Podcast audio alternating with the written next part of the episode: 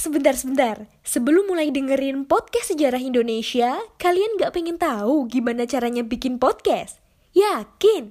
Gak susah kok. Coba deh download Anchor Podcast. 100% mudah, 100% gratis. Eh, eh, eh, sebentar-sebentar. Sebelum mulai dengerin podcast sejarah Indonesia, kalian gak pengen tahu gimana caranya bikin podcast? Yakin? Gak susah kok. Coba deh download Anchor Podcast. 100% mudah, 100% gratis.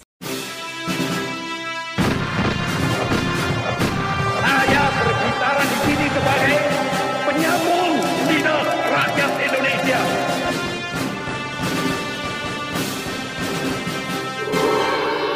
Hai, terima kasih sudah memilih mendengarkan kami, Poseidon.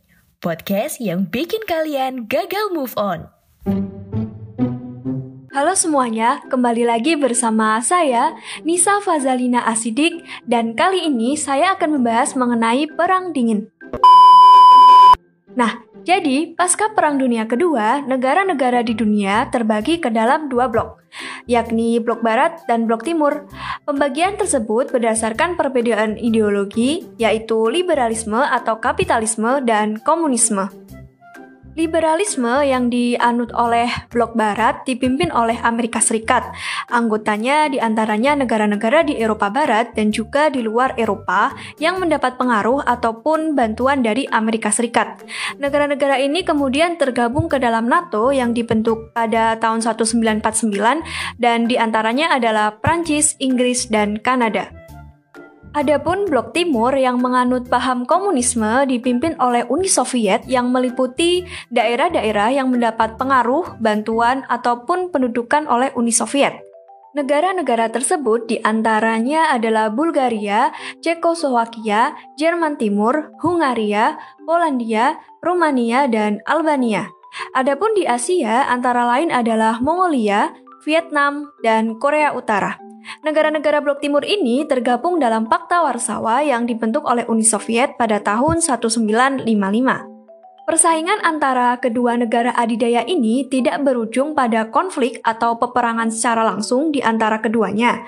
Amerika Serikat dan Uni Soviet lebih memilih berkompetisi melalui beberapa cara, yakni yang pertama adalah koalisi militer, yaitu pembentukan NATO, SEATO, ANZUS oleh Amerika Serikat, dan Pakta Warsawa oleh Uni Soviet.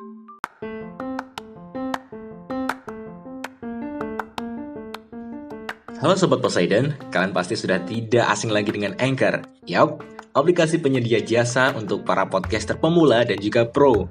Buat kalian yang pengen mulai nge-podcast, langsung download aja Anchor di App Store ataupun di Play Store. Di sana, kalian bisa nge-podcast dengan banyak banget pilihan background musik. Setelah itu, kalian bisa mempromosikan podcast kalian ke mana pun. Secara otomatis, nanti akan di-sharekan oleh Anchor sendiri. So, tunggu apa lagi? Cus, nge-podcast bareng Anchor. Yang kedua adalah melalui penyebaran ideologi dan pengaruh, yakni komunisme yang dimiliki oleh Uni Soviet dan liberalisme atau kapitalisme yang dimiliki oleh Amerika Serikat. Yang ketiga adalah pemberian bantuan kepada negara klien. Jadi Amerika Serikat dengan program Marshall Plan-nya dan Uni Soviet dengan program Molotov Plan-nya. Kemudian yang keempat adalah gerakan spionase atau mata-mata dengan agen intelijen milik Amerika Serikat bernama CIA dan untuk agen dari Uni Soviet bernama KGB. Yang kelima adalah kampanye propaganda secara besar-besaran oleh negara dua adidaya ini. Kemudian yang keenam ada perlombaan nuklir. Yang ketujuh ada menarik negara-negara netral bersaing di ajang olahraga internasional. Dan yang kedelapan adalah kompetisi dalam bidang teknologi persenjataan dan ruang angkasa. Nah, di bidang ruang angkasa ini diawali peluncuran pesawat Sputnik 1 dan 2 oleh Uni Soviet yang ditandingi Amerika Serikat dengan meluncurkan pesawat Explorer 1 dan 2. Selain itu, keduanya lebih memilih melakukan perang proksi, yakni memanfaatkan pihak ketiga atau negara-negara dunia ketiga untuk mengalahkan musuhnya masing-masing. Contoh dari perang proksi ini adalah konflik yang terjadi di Afghanistan, Angola, Korea, Vietnam, Timur Tengah, dan Amerika Latin. Jalannya perang proksi, misalnya, Uni Soviet ini membantu beberapa negara-negara di Amerika Latin dan Asia Tenggara dalam menjalankan revolusi komunis. Amerika Serikat kemudian ikut campur dengan mengirimkan bantuan tentara dan logistik agar paham komunis ini tidak berhasil menyebar di negara-negara tersebut. Nah, jadi sebenarnya apa sih penyebab dari perang dingin ini? Kita telah membahas bahwa Uni Soviet dan Amerika Serikat muncul sebagai negara adidaya setelah Perang Dunia Kedua, karena keduanya merupakan negara yang relatif tidak terlalu mengalami kerugian akibat perang. Nah, Uni Soviet ini hanya mengalami kehancuran di wilayah bagian barat, sedangkan bagian timur sama sekali tidak mengalami kehancuran. Adapun Amerika Serikat hanya mengirim pasukan ke Eropa, sedangkan tak ada satupun pertempuran terjadi di daratan Amerika. Jadi, ujung dari semua ambisi dan perang ideologi kedua negara tersebut sebenarnya adalah kepentingan ekonomi.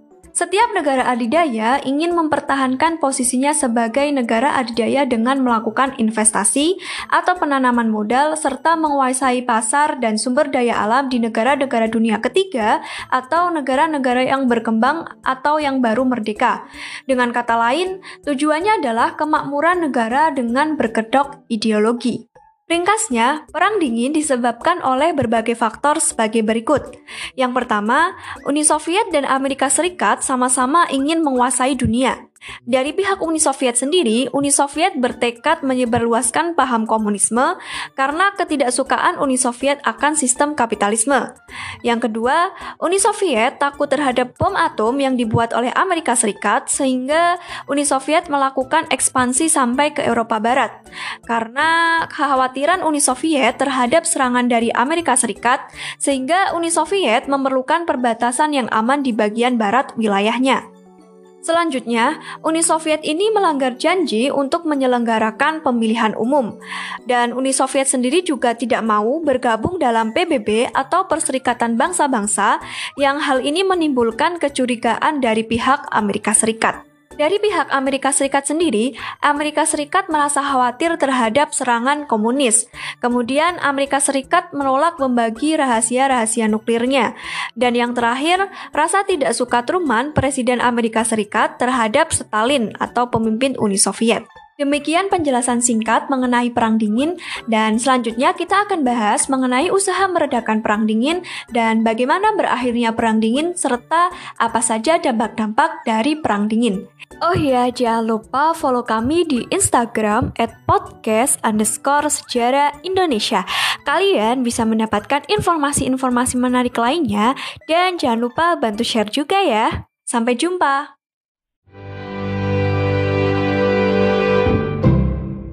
Terima kasih.